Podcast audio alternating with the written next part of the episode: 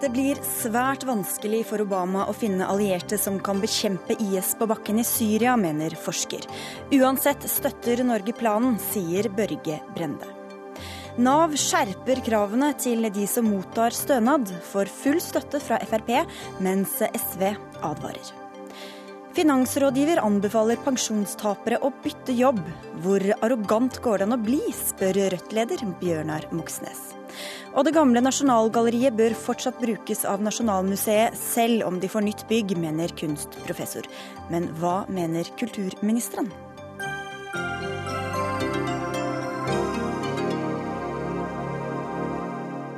Det får vi svar på i Dagsnytt 18 i dag på NRK P2 og NRK2, hvor vi også spør eh, hvorfor noen kvinner sliter så mye at de blir syke.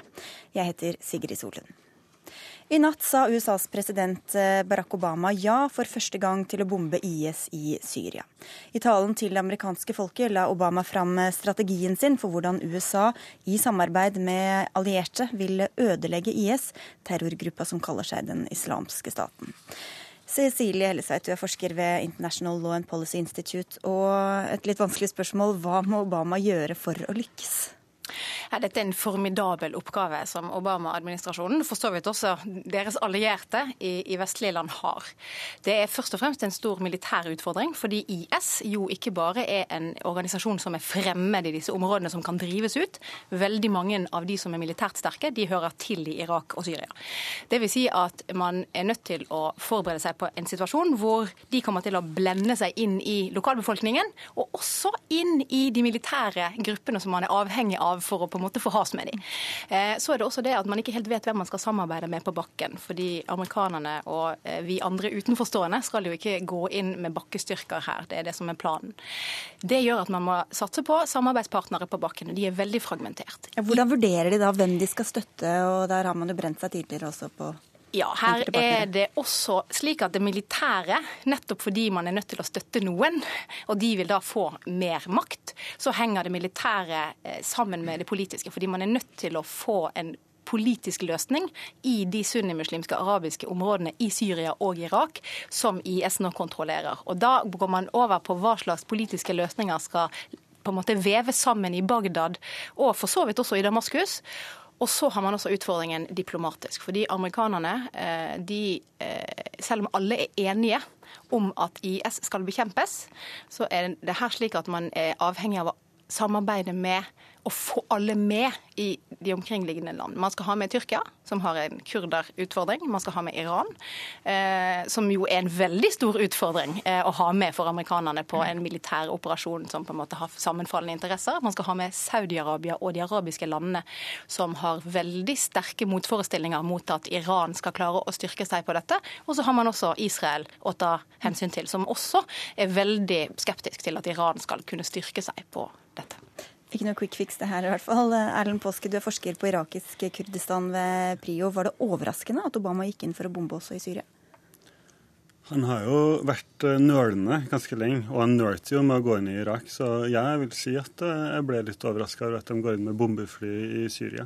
Litt for det sånn som Cecilie sier, altså det er på en måte ikke noen du må ha bakkestyrker, du må ha noen du kan alliere deg med når du slipper den bombene. Og det er på en måte en helt annen utfordring i Syria enn det er i Irak, der USA jo har en slags regjering som den prøver å forsvare. Eh, og en kurdisk alliert som de også prøver å forsvare. Hvorfor tror dere likevel at han da utvider eh, og gjør det nå? Jeg tror, eh, jeg tror, han gjør rett, faktisk. Han kunne nok kanskje ha gjort det tidligere. Men IS, er, den islamske staten, er et transnasjonalt problem, og det må få Løsninga på det problemet de representerer, må også være transnasjonalt. Både politisk, altså en bred koalisjon og alt det der, eh, også militært. IS har på en måte viska ut eh, den statlige grensa mellom Irak og Syria. og da må man følge etter dem når de går, eh, trekker seg ut og trekker seg frem og tilbake over den grensa. Hva ligger i denne brede koalisjonen som man snakker om, Cecilie Hellestveit?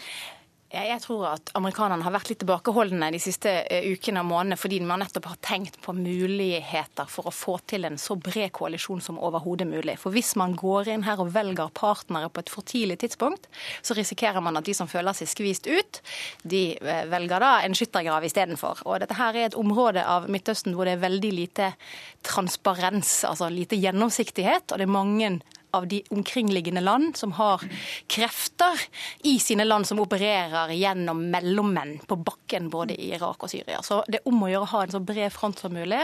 Spørsmålet er jo selv om man klarer å etablere det nå i den innledende fasen, så blir jo problemet å holde den koalisjonen ved like når man må begynne å snakke om politiske løsninger som skal komme ut av dette her for å kunne holde IS borte på lengre sikt.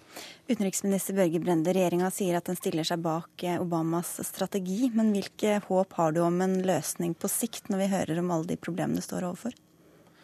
Vi uh, har jo ikke noe valg Eh, når det gjelder nå å ta et oppgjør med en ekstremistisk eh, terrororganisasjon som ISIL. Det som har muliggjort dette initiativet fra Obama, er jo at eh, Maliki, den tidligere statsministeren i Irak, er avsatt. Han førte en sekterisk og polariserende politikk som skapte stor motstand, også blant de moderate sunniene. Med Abadis regjering nå så får vi håpe at ved å inkludere sunnier, Eh, så vil eh, den regjeringa være basisen for å bekjempe ISIL i Irak. Og det å støtte den regjeringa i det arbeidet og få med seg de moderate sunniene, som skaper en helt annen mulighet. Og det er kun gjennom å samarbeide med den arabiske verden, med Gulflandene, og skape en allianse. Og det som har endra seg, som flere har vært inne på, er jo at Saudi-Arabia opplever å ha ISIL på sine grenser. Det samme gjør Jordan. Det er jo terrorceller i disse landene òg som er utgått fra ISIL. Det som blir den store utfordringa, i tillegg til denne, er jo å få til noe av den samme dynamikken i Syria, hvor vi ikke har eh, noe samlingsregjering. Vi har en veldig polarisert situasjon, og hvor den moderate eh, opposisjonen eh, er mer og mer marginalisert. Noe som Assad har ønska og har hatt en strategi med å sette seg sjøl opp mot ISIL, men nå er han i ferd med å bli fanga av sin egen strategi òg, fordi at ISIL har fremgang militært mot Assad.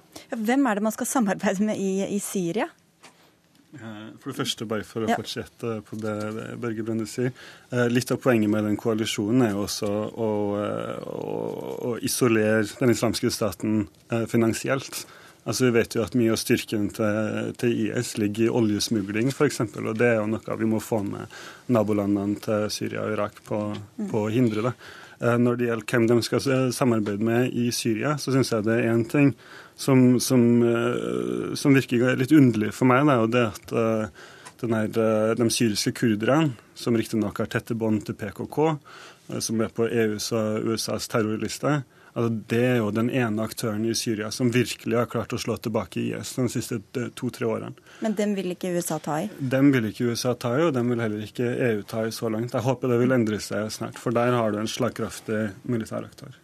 Jeg tror nok at den kurdiske eh, dimensjonen her kommer til å bli en del av løsningen eh, over tid. Det ligger antageligvis litt i kortene. Litt av utfordringen her er at de siste månedene, eller nær sagt det siste halve året, så har IS og eh, Assad slått, slåss ikke så mye mot hverandre, men de har slåss mot nettopp den moderate opposisjonen som vi skulle ønske nå var der, slik at vi kunne samarbeide med dem. Og det er jo selvfølgelig ikke tilfeldig. Mm. Både IS og Assad har visst at dette her muligens lå i kortene, og har gjort så mye de har kunnet for å ødelegge mulighetene for samarbeidspartnere på bakken.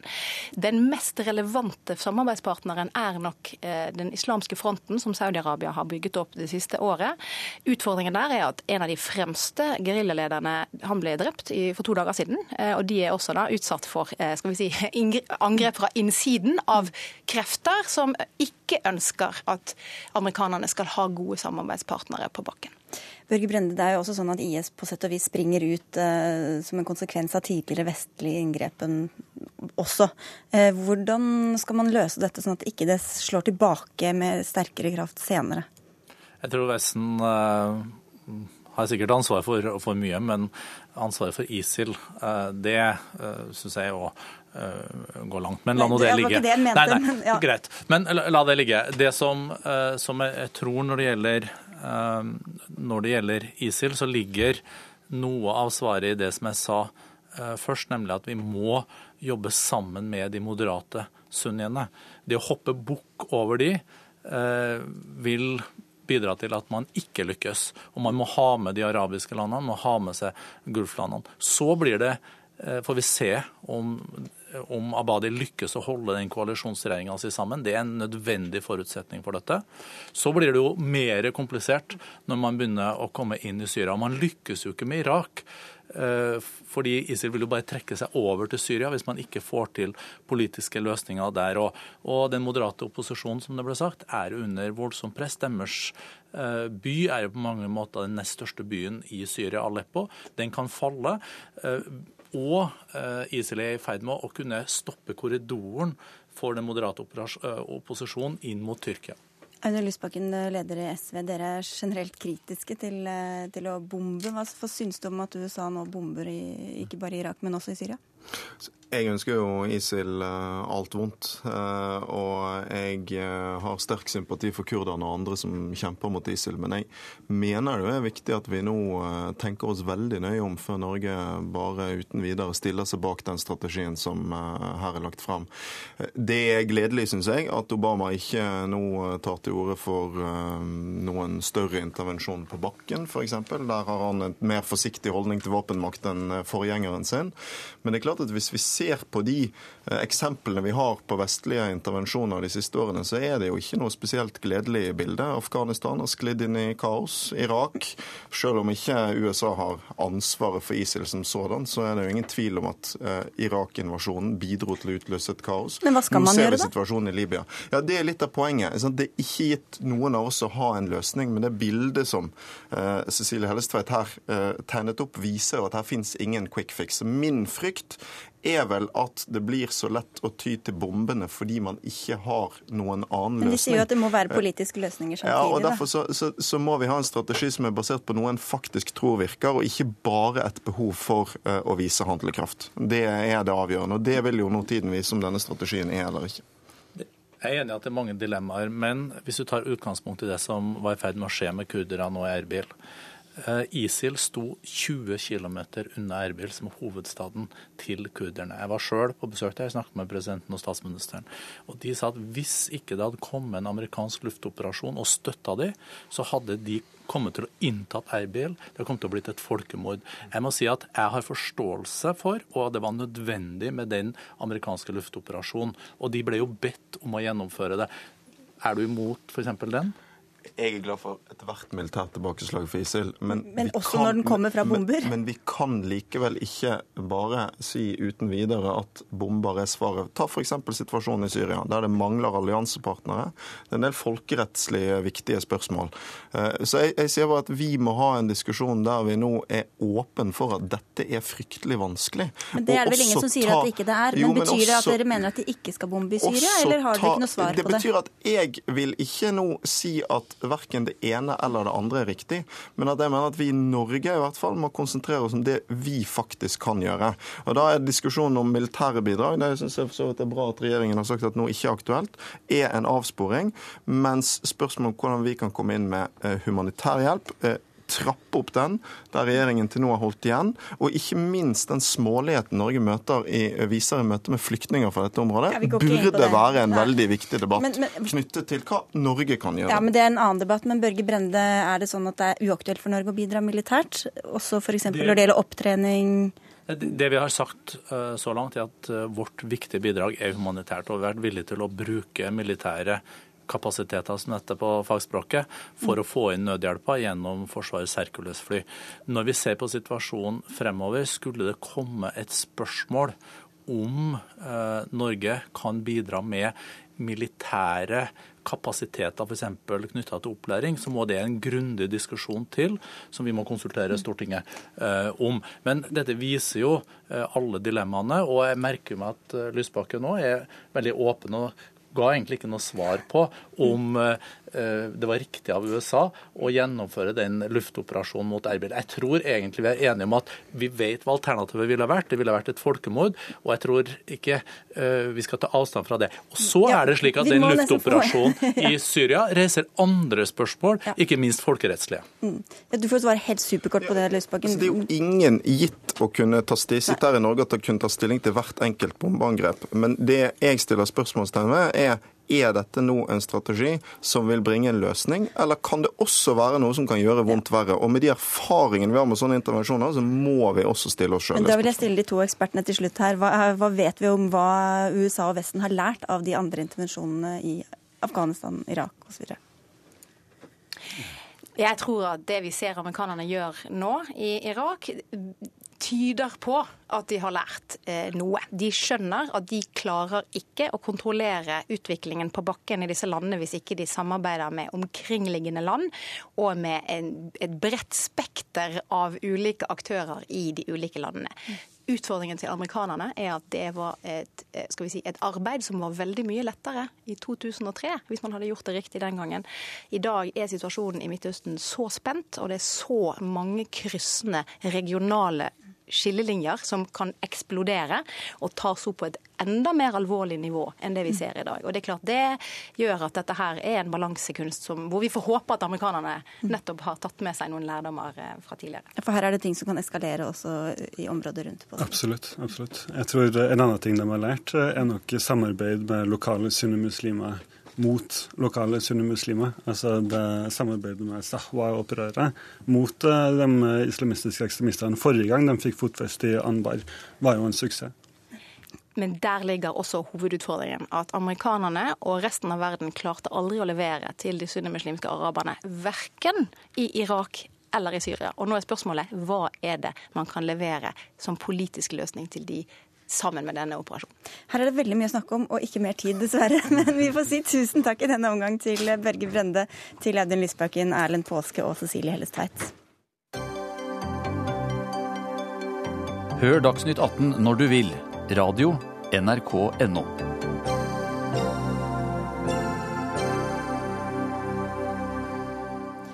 vi til mer hjemlige forhold, for Nav i Hedmark har skjerpa kravene for å få sykepenger og ledighetstrygd, og slik spart store summer på budsjettet.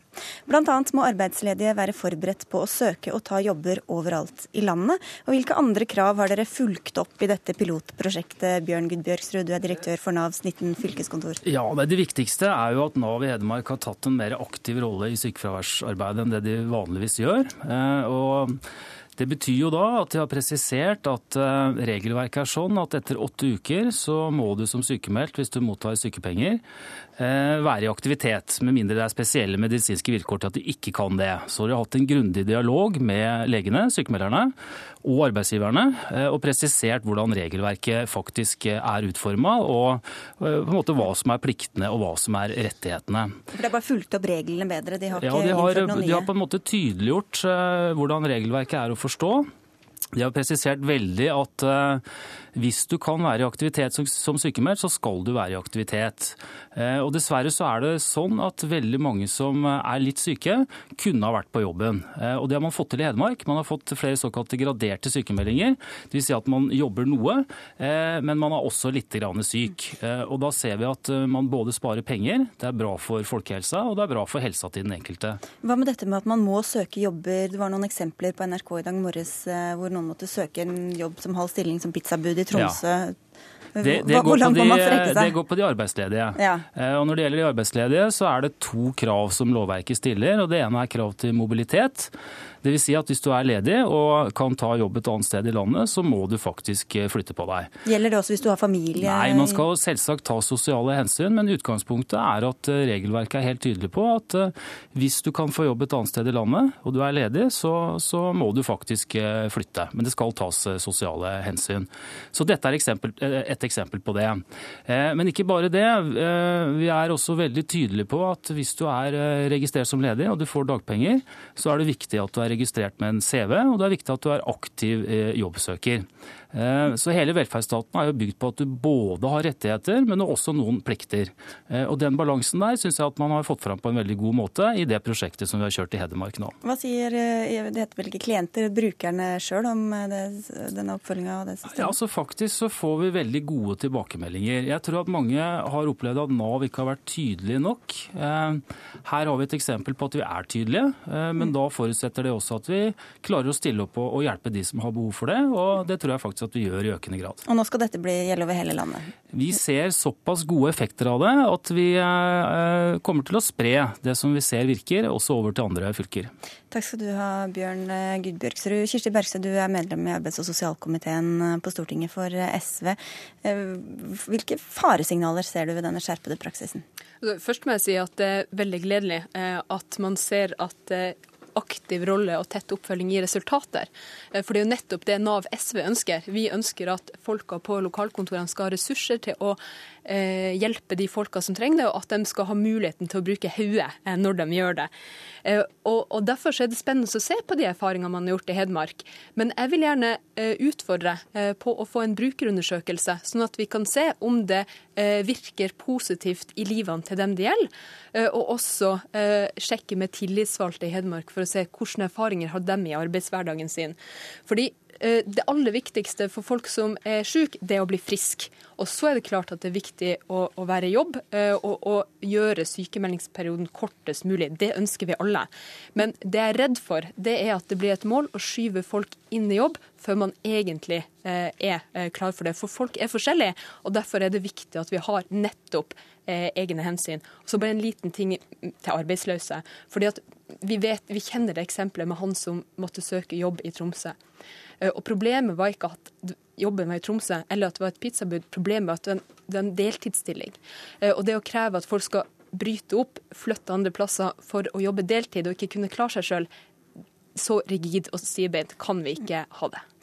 Hans Andreas Limi, du er medlem i finanskomiteen for Fremskrittspartiet. Hva syns du om eh, dette pilotprosjektet? Jeg syns det er et fantastisk prosjekt. Det er et prosjekt med bare vinnere. Og kanskje den største vinneren er brukerne. Nav-brukerne på Hedmark. Eh, det å slippe å gå sykemeldt for lenge, det å komme tilbake i jobb, eh, det å slippe å gå arbeidsledig, det er, eh, det er, veldig bra for den enkelte. Det er bra for samfunnet. Og her har man altså klart å gjennomføre dette i en dialog mellom bedriftene, mellom brukerne og legene. Så jeg, jeg ser ingen negative sider ved dette prosjektet, bare positive. Og la meg også legge til det ene eksempelet som er nevnt med én bruker som da eh, ble bedt om å søke en eh, deltidsstilling i Tromsø. Eh, det blir litt utrert. Vedkommende fikk seg altså jobb i nærområdet. Og sier selv i dag at det, det, kravet om å søke den stillingen ble en vekker. Mm. Som gjorde at han tok etterutdanning og fikk jobb som bussjåfør. Så det kom noe positivt ut av det. Men her er det flere, ja. Kirsti Bergstø. Men det er jo ikke noe nytt at man stiller krav til at folk som mangler jobb, skal gjøre det de kan for å få seg jobb. Altså, Det har vært innenfor regelverket lenge. Eh, spørsmålet er om man skal være så stivbeint at man sier hvis ikke du søker på den stillinga og tar den, ja, så mister du dagpengene dine. Eh, og Det er jo det jeg vil advare mot. Fordi det er klart at når vi har fått eh, Nav i Hedmark, som er på en måte best i norgesklassen på å spare penger, så frykter jeg litt at en sånn eh, eh, kultur, eh, eller skal bre seg over landet uten at man tenker på hva er målsettinga med Nav. Fordi vi har en del sånn målstyringer innenfor Nav-systemet som gjør at de ansatte i stor grad blir tvunget til å jobbe på visse sett, istedenfor å ha lokal frihet og ta utgangspunkt i det mennesket man møter. Nå er det jo ingen eksempler på at det har skjedd, da. Uh, ærlig talt. Ubegrunnet frykt? Det er en, uh, en, ubegrunnet frykt.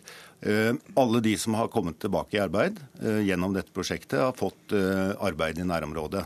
Det er ingen som har blitt presset ut og måttet reise fra familie og pendle over lange avstander. Det, det man i realiteten har gjort, det er jo at man har innskjerpet praktiseringen av regelverket. Eh, og Det syns jeg bare dokumenterer at vi har veldig mye bra kompetanse i Nav. Vi har mye bra kompetanse i, eh, i det offentlige eh, når de får lov til å praktisere regelverket slik det egentlig er.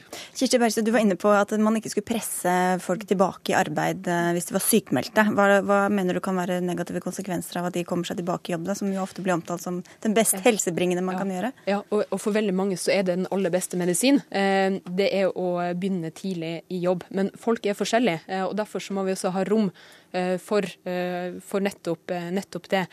Fordi Hvis det er sånn at folk får beskjed om at du får bare rett og slett ikke lenger sykemelding, du mister pengene dine, og så går på jobb, så kan det godt hende at du tyter ut i andre enden med at folk blir, går på helseløs senere. I Sverige f.eks., som denne regjeringa liker å se til, så ser vi at det er færre folk som mottar sykelønnsordning.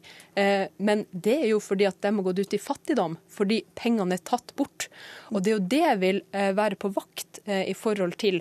Eh, fordi regjeringa ser til Sverige, og hva er det de har i sin regjeringsplattform? Jo, det er normerte sykemeldinger, som sier at vi skal ha en norm for hvor lang sykemelding skal være for visse diagnoser. Og da tar man ikke utgangspunkt i at jeg og du, vi er ikke like. Ja, Nå blir det en sånn liten debatt om normerte sykemeldinger. Ja. Nå er det faktisk slik at sykefraværet i Norge er dobbelt så høyt som i Sverige. Det er ingen grunn til at vi skal være mer syke i Norge enn i Sverige og i andre OECD-land, eh, hvor vi ligger helt på topp. Eh, og Da er det grunn til å gå inn og se på de ordningene vi har, og hvordan vi praktiserer regelverket. Og, og da må det understrekes. Eh, prosjektet i Hedmark det er altså gjennomført i et samarbeid og tett dialog mellom Nav, brukere, leger og, og arbeidsgiverne. Eh, så det er ikke slik at det er liksom noen som bare dikterer hva andre skal gjøre. Men det skjer altså i en dialog og et samarbeid, og det gir uh, utrolig gode resultater. Vi får se når det kommer på landsbasis. Gudbjørgsrud ville egentlig ikke være med i debatten, men du hadde en bitte liten kommentar. Jeg, si at, uh, jeg tror det aller viktigste er at vi i det norske samfunnet tar det utgangspunktet at arbeid i all hovedsak er helsebringende. Eh, og det er, jo det man har forsøkt å, gjøre her. og Spesielt så gjelder det for folk med psykisk helse. og Vi ser at effektene i Hedmark har vært veldig positive. Hvis vi klarer å få til dette i hele landet, så kommer vi til å spare AS Norge for 1,5 milliarder kroner, og det syns jeg er en god historie. Ja, for det får fem sekunder hver på planken. Ja, jeg vil anbefale SV at man tar med dette prosjektet og, og benytter seg av det i Finnmark, som hadde i eller har like høyt sykefravær som Hedmark hadde, men som de har klart å redusere nå i løpet av dette året. Jeg har full tillit til ansatte på lokalkontorene. Det jeg ikke har tillit til, det er at eh, det du vil gjøre med, med deres eh, arbeidshverdag. For vi vet at Frp vil sentralisere kontorene kontorene. Du tillegger og, oss motiv som vi ikke har, og som det ikke er dekning for. Nå er vi på, liksom, på en galei vi ikke har tid til. Eh, sier og normere sykemeldingene. og Det tror jeg kan gå på helsa løs. Vi starter der og sier tusen takk for at dere var med i Dagsnytt 18. Eh, Hans Andreas Limi fra finanskomiteen for Frp, Kirsti Bergstø fra SV og Bjørn Gudbjørksrud Gudbjørgsrud fra Nav.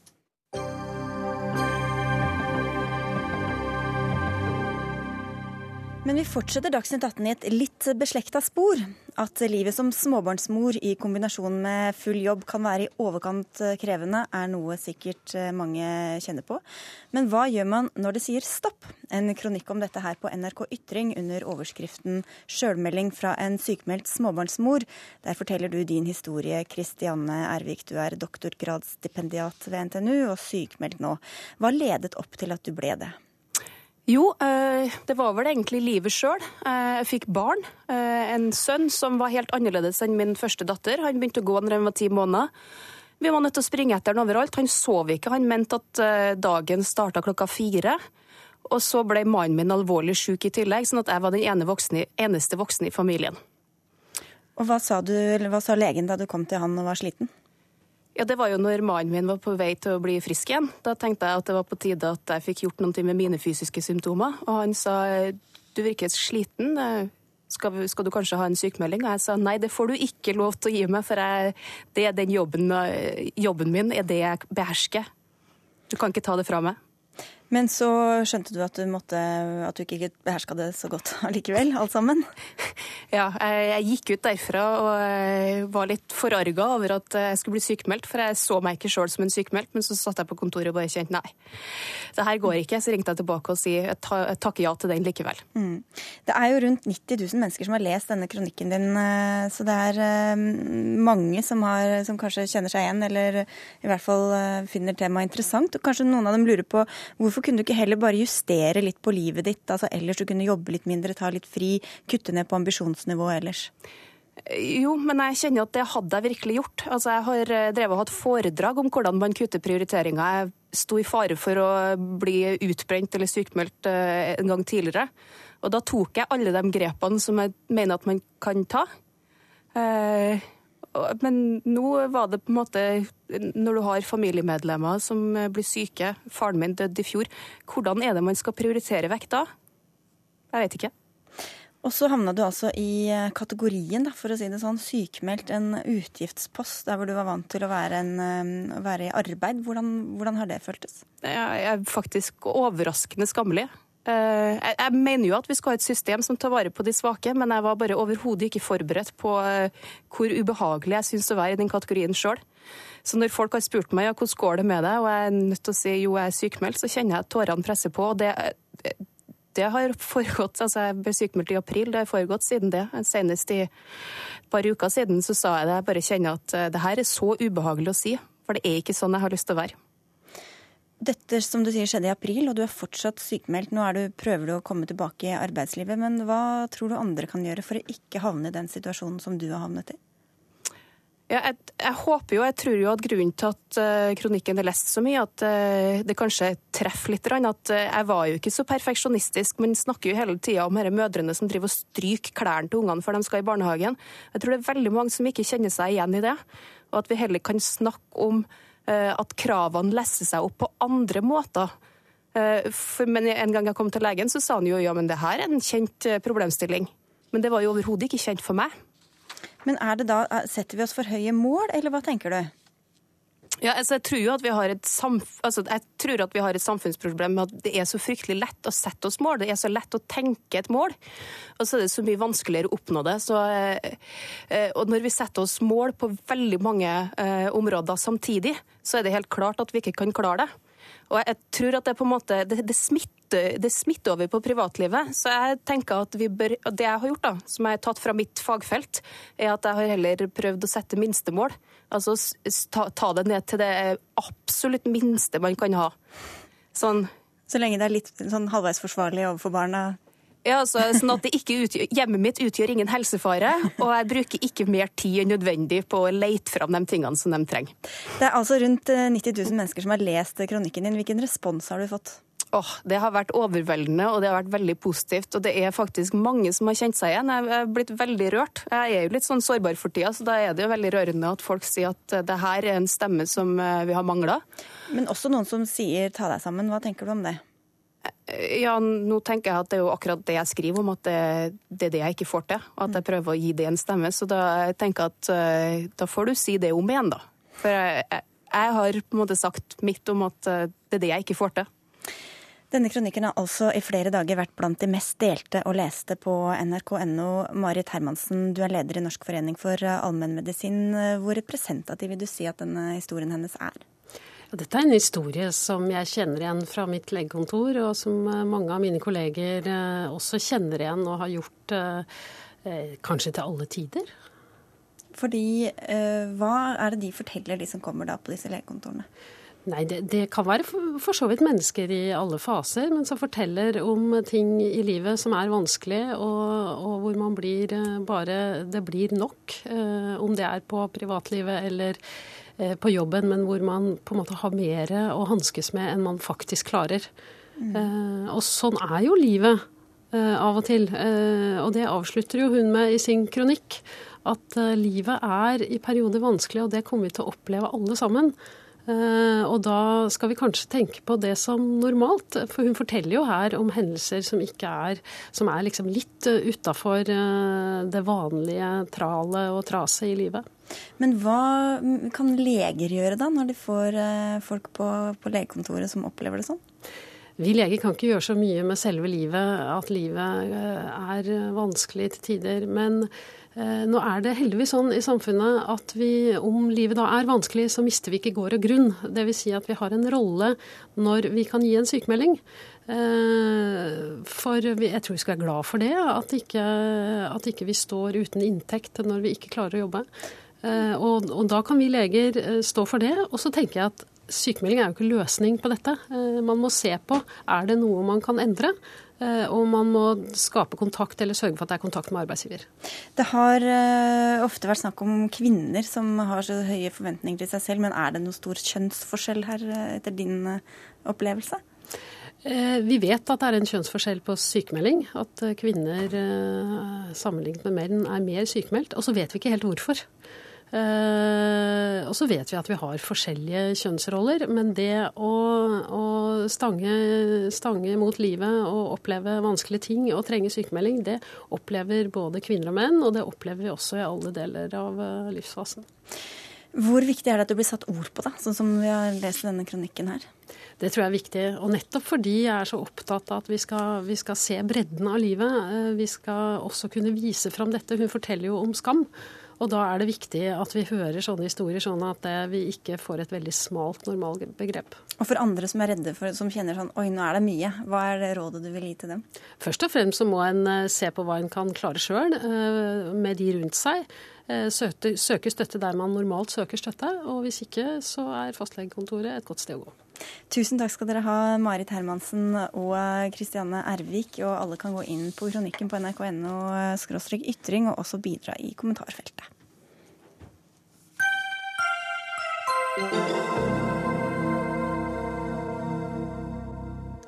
Mye arbeidsliv her i dag, for nå skal det handle om de såkalte pensjonstaperne. For eh, mange har kanskje ikke helt oversikt over hvor mye man får i pensjon når den tid kommer. I hvert fall var det tilfellet for en kvinne som uttrykte bekymring i Dagbladet over hva hun kommer til å sitte igjen med i eh, framtida. Det genererte to svarbrev via avisa fra dere to, Rødt-leder Bjørnar Moxnes og Kristina Picard. Du er forbrukerøkonom i Storebrand, og begynner med deg, Picard. Du skrev at du hadde gode nyheter til henne og andre i hennes situasjon. Hva var de nyhetene? Ja, jeg, jeg skrev det. Det begynte jo egentlig med at, at Bjørnar Moxnes skrev et brev hvor han, han svartmalte situasjonen litt, syns jeg. Så jeg ønsket å komme med et, et godt budskap, nemlig at man, at man, har mulighet til å påvirke dette selv. At det kanskje ikke er så svart. For vi må huske på at det var det som var utgangspunktet her. At eh, hun Irene, som vi henvendte oss til, syntes at det så veldig mørkt ut. Og, og, fikk eh, full sympati, da. Ja, For hun var redd for å ikke sitte igjen med noen ting? Hun, hun var redd for å sitte igjen med veldig lite. Og Jeg forstår selvfølgelig at, eh, at, Moxnes har et politisk poeng han vil få fram, men jeg syns det var et lite løsningsorientert brev til en som allerede syns at pensjon er eh, vanskelig og litt skummelt. Så jeg vil gjerne komme med et hyggeligere budskap. Så Det jeg skrev, var at uh, hvor lenge du jobber, påvirker din pensjon. Og Det samme gjør lønnen og pensjonsordningen din. Og Sparer arbeidsgiver lite, så kan du kanskje bytte yrke eller arbeidsplass. Du kan også spare litt ekstra selv. Og jo tidligere du starter med å spare, desto mindre vondt. Og mange har også fripoliser og pensjonskapitalbevis som kan plasseres smartere. Og alt dette vil påvirke pensjonen din. Men det fikk deg til å skrive at hun var arrogant, Bjørnar Moxnes. Hvorfor det? Jeg syns det var litt arrogant, men, men, det er jo en ganske utbredt idé. da. At de fleste av oss har jobber som ikke sliter på helsa, og som vi kan stå i til vi er 70 eh, år. Og Hvis det var sånn, så ville ikke rådene fra Picard vært så dårlige. Men faktum er jo at 400 000 mennesker jobber innenfor helse- og sosialtjenester. Eh, tilsvarende jobber innenfor varehandel, hotell og restaurant, og tilsvarende også innenfor industri, bygg og anlegg. Og for dem så er det ikke bare å stå i jobb til de er 70 år. Det er ikke bare å, å shoppe en ny jobb for en 50 år gammel eh, rørlegger eller butikkansatt. Men også det her fortjener etter mitt syn en eh, verdig pensjon å kunne gå av tidlig. Eh, det får de ikke med pensjonsreformen. Det er den største uretten i reformen, og det ønsker jeg å adressere i, i brevet til Kristiansen i Dagbladet. Og nå er det ikke du som har laget denne pensjonsreformen, Bikar, men Nei. hva syns du om at du blir kalt for arrogant? Uh, jo, det gikk vel på dette her med at det bare var å bytte jobb. Uh, det var ikke akkurat uh, sånn jeg formulerte meg, men, men, jeg vil veldig gjerne understreke at jeg forstår at ikke alle bare kan bytte jobb. Så det er et forslag som, på hvordan, et av mange forslag på hvordan du kan påvirke pensjonen din. Men dette var jo til Irene, som jobber i butikk. Og vi vet jo det at mange nordmenn i dag de, vi, jobber, vi bytter faktisk jobb i snitt ti ganger i løpet av livet. og de fleste av dem er, er frivillige. Og vi vet også at pensjonen varierer fra butikkansatt til butikkansatt. I Storbritannia har vi mange bedriftskunder, og derfor vet jeg mye om at noen begynner å få ganske gode pensjonsordninger, mens andre ikke har det. Og Derfor så mener jeg at det kan være tips for Irene hvis hun vil bytte, bytte jobb, men fortsatt stå i butikk, så kan hun få bedre pensjon. Ja, og noen må, jo, noen må jobbe i butikk, og det er viktig at de gjør det også. Eh, det vi ser er at, eh, at reformen har ført til en viktig endring eh, som berører din bransje særlig, men også primært berører arbeidstakere. Nemlig at man har flytta veldig mye av ansvaret for pensjonen fra fellesskapet som det var tidligere, til den enkelte. Til den enkeltes sparing, enkeltes oppsparing, enkeltes jobbvalg, enkeltes valg om å stå i jobb til det er hvor gamle som helst. Så er poenget mitt at det er systematiske forskjeller i hvem som kan stå i jobb lenge, ut fra hvor tungt yrket er. Eh, nå vil mange kvinner som har jobba deltid, ha tjent for lite til å kunne få lov til å gå av ved 62 år pga. den nye reformens bestemmelser. Og hvis det er sånn at kutt i vanlige folks pensjon skal finansiere gullpensjon for de som kan stå til de er 70 år eller mer, så betyr det at vi har en grunnleggende omfordeling fra vanlige folk til de som har behagelige jobber. og Det ønsker vi å adressere og få gjort noe med. Men til det som var utgangspunktet, da, hva mener du at de skal gjøre, de som jobber i butikk og er redde for å havne med for lite i lomma når de blir 60-70 år? Det ene svaret er jo det individuelle, å prøve å shoppe en bedre uh, fripolise. Men ikke alle arbeidsgivere tilbyr det. Så der er du enig egentlig med de rådene? Det er det individuelle som ikke, ikke, vil føre fram. Uh, du må spare for Kristiansens del opp mot 50 000 til 75 000 i året ved siden av alle regningene på en ganske lav lønn for å kunne kompensere for kuttene. Så det går ikke. Alternativet som jeg tar til orde for, er at vi trenger å få retta opp skjevhetene. Vi må ha en politisk kamp eh, hvor, hvor LO blir viktig, hvor Venstre må gå til, gå til valg på å endre eh, urettferdighetene. Det er det fellesskapelige svaret, og det er også mulig innenfor de økonomiske rammene vi har fram til 2060. Og Det er jo ikke akkurat den veien vinden blåser, for å si det sånn, i pensjons... Det går flott med bransjen hennes. De stiger jo som bare rakkeren, men noen, noen, tar regninga for det. Og det er de lavtlønte i sliteyrkene tar regninga for pensjonsreformen. Det er det alvorlige, mener jeg. Men er du enig i situasjonsbeskrivelsen til Moxnes? Eh, både ja og nei. Eh, nå er det ikke jeg som har laget denne reformen, men, eh, men f.eks. sykepleiere har jo i dag en veldig god pensjonsordning sammenlignet med, med butikkansatte, f.eks. Men, men det er viktig at, å få frem at Og der har han et poeng. at pensjonsordningen i dag er mye mer individualisert mm. enn den har vært tidligere. Så folk må se på Jeg kaller det muligheter, men i hvert fall ta inn over seg også at man har, i større grad har et ansvar for, for pensjonen sin, og at det er slettes ikke sikkert at du får samme pensjon som naboen eller, eller, en kollega. Du er nødt til å sette deg nærmere inn i det. Og det er jo det som, som er forskjellen. At du må, du må, rett og slett eh, se på hvilke ordninger du har. Og det å endre det er ganske utopisk i dagens politiske eh, virkelighet, da, Bjørnar Moxnes. Hva skal du gjøre imens? Kongressen i 05 behandla pensjonsreformen, og de vedtok at det ville være helt urimelig hvis en levealdersjustering førte til omfordeling fra lavtlønte folk i tunge yrker til høytlønte folk i yrker som er mindre slitsomme. Det kom en evaluering av reformen i 2017. Det kan bli året for det store pensjonsoppgjøret. Og så har vi da råd til en god pensjon i fellesskap hvis vi bruker litt mer penger eh, på å øke skatten, framfor å si at det er ditt ansvar alene å sørge for en verdig pensjon når du går av. Men imens så bør de bare følge rådene fra Kristin Pekar? Imens bør de organisere seg for å slåss for en bedre pensjon i fellesskap, framfor å si at hver enkelt skal kompensere for kutt som er umulig å kompensere for for de som har eh, lav lønn i dag.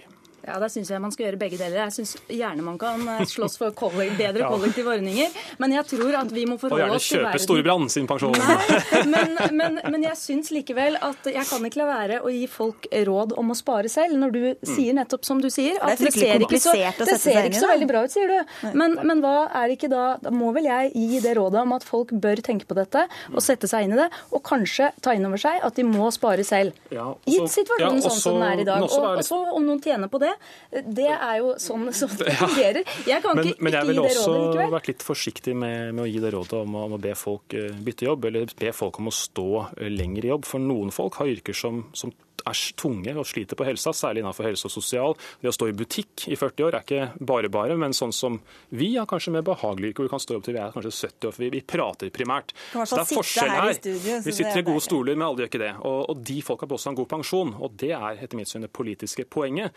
Og det løser vi kollektivt, ikke gjennom individuelle spareordninger. For det vil kun gagne til, slutt de høytlønte. Får komme tilbake i 2017, da? Ja, det gjør vi. Tusen takk for at dere var med i Dagsnytt 18, i denne omgang i hvert fall. Dagsnytt 18 alle hverdager klokka 18. På NRK P2 og NRK2.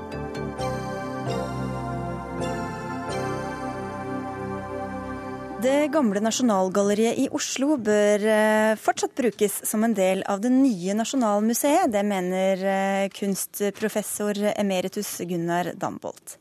I 2020 flytter Nasjonalmuseet inn i et nytt museumsbygg på Vestbanen ved Aker Brygge i Oslo.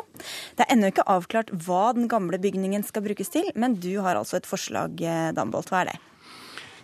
Ja, Det går ut på at Eh, hvis man får de private samlingene, hvis de stilles til disposisjon for eh, Nasjonalmuseet, så vil Nasjonalmuseet få plassproblemer.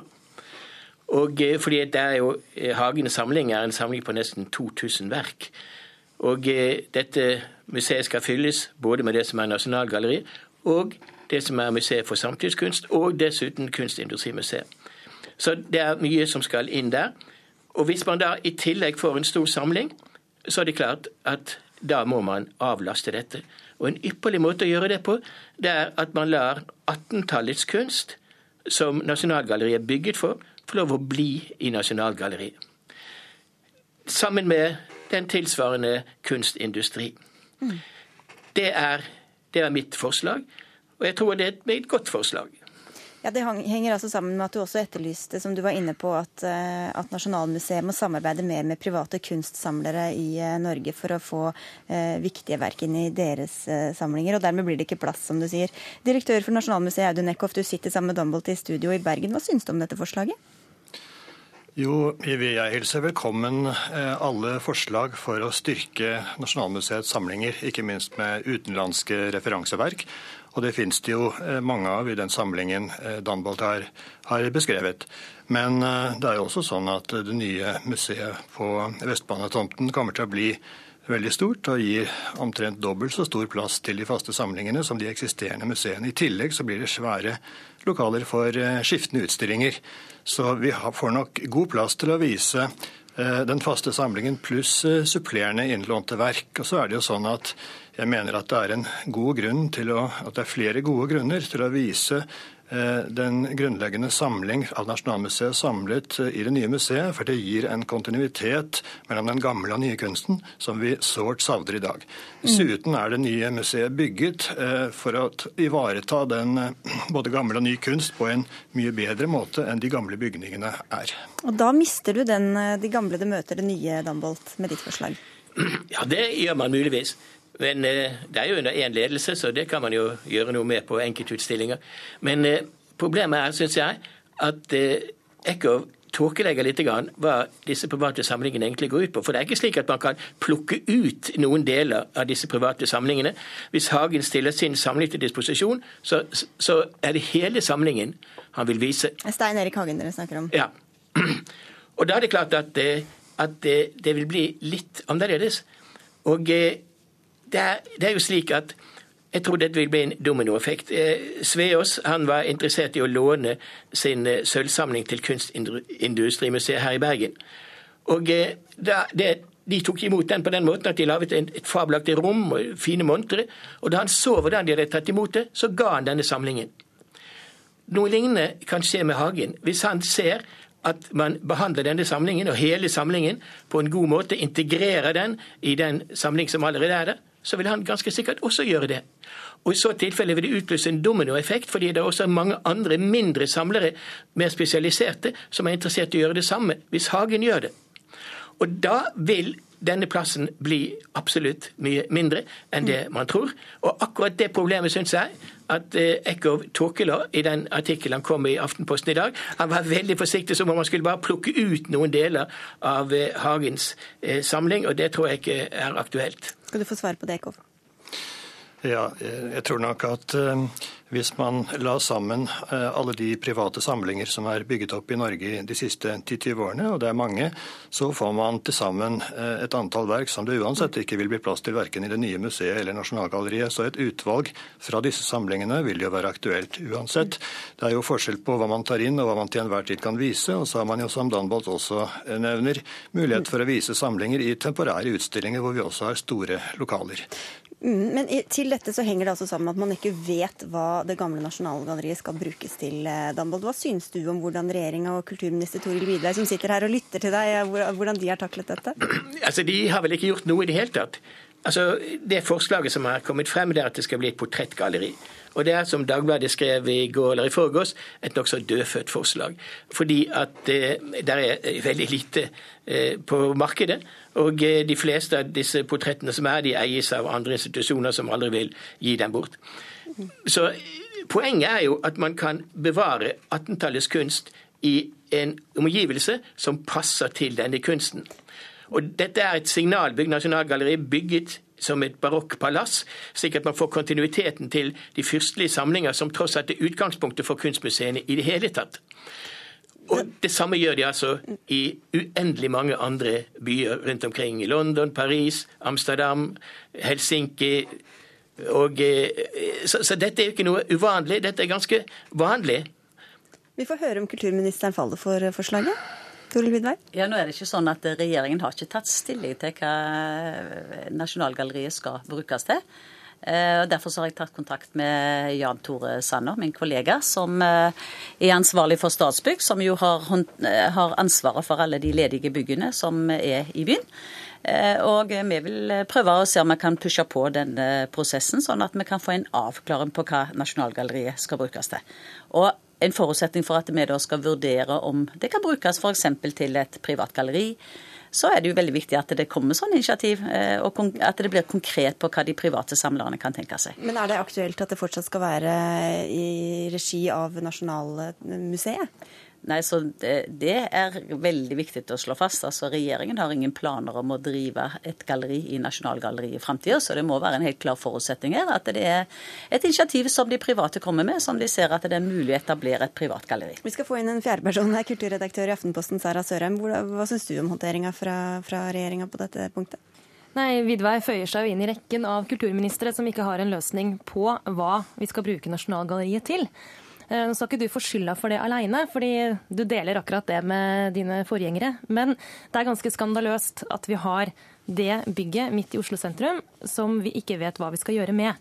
Noen ville kanskje kalle det et luksusproblem eh, å ha et bygg til overs. Men eh, det er nå engang sånn at det er et viktig bygg i norsk kulturhistorie. Og vi bør kunne finne en løsning. Vi bør kunne bruke det til noe fornuftig. Og det, det ligger nå på Vidveits bord, og det syns jeg er eh, på høy tid at dere finner en løsning på. Og så er det sånn at det ligger litt under Jan Tore Sanner, det er Statsbygg som forvalter det selve bygningsmassen. Men akkurat hva vi skal fylle det med, det er eh, kulturministerens ansvar. Nå er jeg er så spent på om du klarer å svare uten å si åtte år med rød-grønt styre, Vidvei. Det skal jeg ikke si. Eh, derfor har jeg tatt et initiativ nå til et møte med Jan Tore Sanner, så at vi kan forsere den prosessen for å være sikker på at vi nå finner ut hva, hva dette Nasjonalgalleriet brukes til. Og jeg er åpen for uh, å få impulser, men det må være konkret.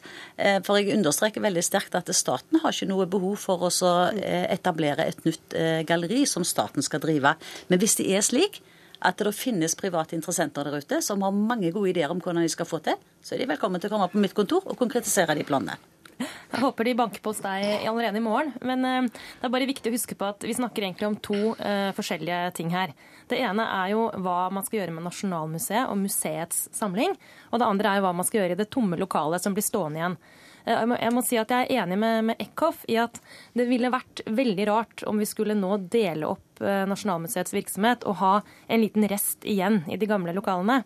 Nå må vi bare tenke at eh, Nasjonalmuseet får en fantastisk mulighet i, nye, i, sitt nye bygg for å presentere hele samlingen på en ny og god måte.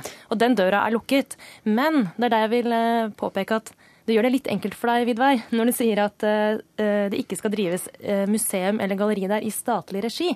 Og selv om Nasjonalmuseet er ute, så er det fortsatt fullt mulig for deg å gjøre noe annet i statlig regi i Nasjonalgalleriets lokaler. Men det er uaktuelt for, for regjeringa. Det her skal det være private. Og ikke å starte et nytt galleri, det er ikke aktuelt. Altså Når dette vedtaket om Nasjonalmuseet ble flytta til Vestbanen, så var det et veldig klare premisser for at det var en sammenslåing av de fire museene som var der. Jeg har lyst til å si at Det er ikke sånn at vi ikke har vi har mange uløste oppgaver som man må ta fatt i de neste årene. Så det er ikke sånn at vi har vi sitter og lurer på hvor vi skal bruke ledige penger for å putte dem inn i noen nye bygg. Og Derfor tror jeg det er et veldig viktig signal å gi at jeg skal gjerne være med og slåss for at vi skal kunne klare å få Eh, beholde Nasjonalgalleriet som et viktig kulturinstitusjon som det er. Men da må det også konkretiseres de ideene som faktisk ja, men, ja, men, ja, Vi skal slippe til Dambold også, men bare først med å høre med deg, Eko, for dere ønsker ikke å ha noe mer med Nasjonalgalleriet som sådan å gjøre, eller? Eh, nei, det er ikke riktig. Eh, vi har sagt at vi ønsker at det fortsatt skal være kunst i Nasjonalgalleriet. Så... Men ikke under deres paraply? Eh, hvis vi blir spurt om å forvalte kunst i Nasjonalgalleriet videre, så vil vi sterkt vurdere å, å ta den oppgaven. Mm. Det eneste jeg sier, er at den grunnleggende fremstilling av museets sentrale verk bør foretas i kontinuitet i det nye museet.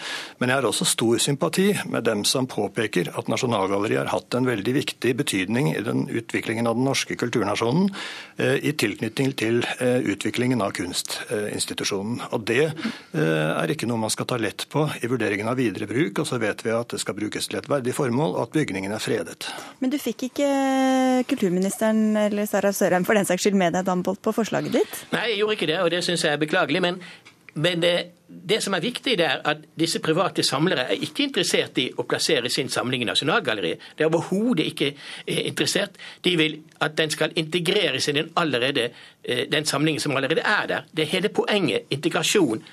Derfor er det overhodet ingen løsning å plassere Hagens samling eller deler av den i det gamle Nasjonalgalleriet.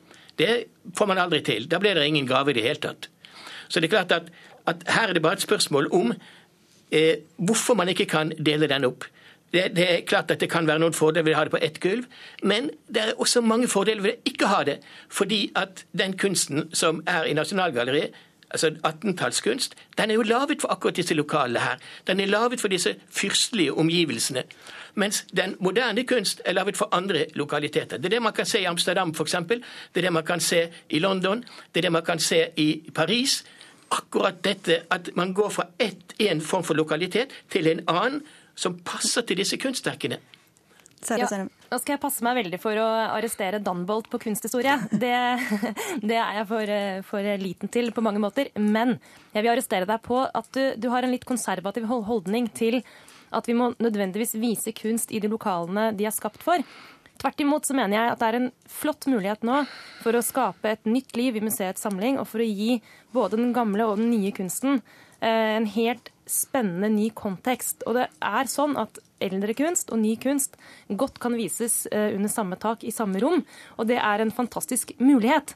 Så jeg syns eh, Danbolt her må se etter eh, løsninger, og ikke bare tenke på gamle dagers museer. Nei, men det, det, det, er ikke mitt poeng. Mitt poeng er jo rett og slett at hvis man tar imot de samlingene Så blir det ikke plass? Ja. Og det er jo veldig viktig at man i dag tenker på det, istedenfor at man skal komme til 10-20 år og si at hva skal vi gjøre nå? Jeg har en kommentar til det også. Kom igjen. det er jo ikke slik at man viser samlinger en bloc hele tiden. Det gjelder også Nasjonalmuseets samlinger. Vi viser ikke den samlingen som en helhet hele tiden. Den vises i varierende utvalg. Det er i dag slik at uh, slike basisutstillinger som fyller opp de faste samlingene i kunstmuseene, de skiftes med stadig hyppigere mellomrom. Slik vil det også være med de private samlingene som eventuelt tas inn. De vil vises enten med helhet eller i deler. Slik at uh, dette gir et helt annet annet perspektiv på fleksibiliteten eh, i slik kunstpresentasjon. Sara Sørheim, nå har vi snakka i mange år om hva som skal skje med Nasjonalgalleriet. Hvor viktig er det å komme med en løsning fort? For å si det sånn, Hvis du Toril Vidvei, eh, gjør det, så vil du få en stjerne i boka eh, som kulturminister, som du kanskje trenger. eh, for å være helt alvorlig, det er faktisk veldig avgjørende at man eh, tar en avgjørelse. Jo, det huset, hvis det blir stående tomt, Eh, så tror jeg faktisk også at det vil gå utover forvaltningen av bygget.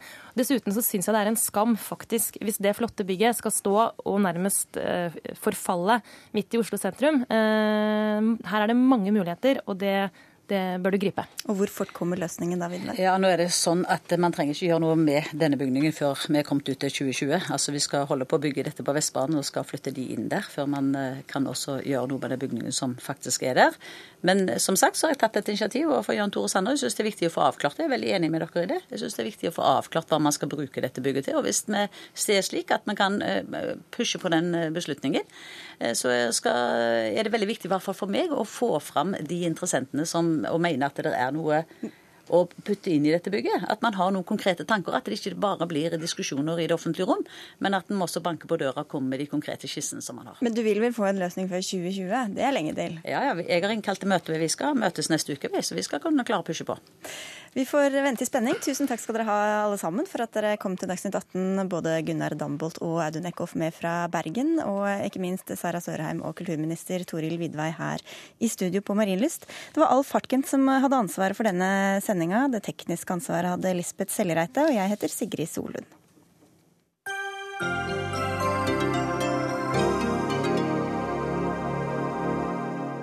Hør flere podkaster på nrk.no podkast.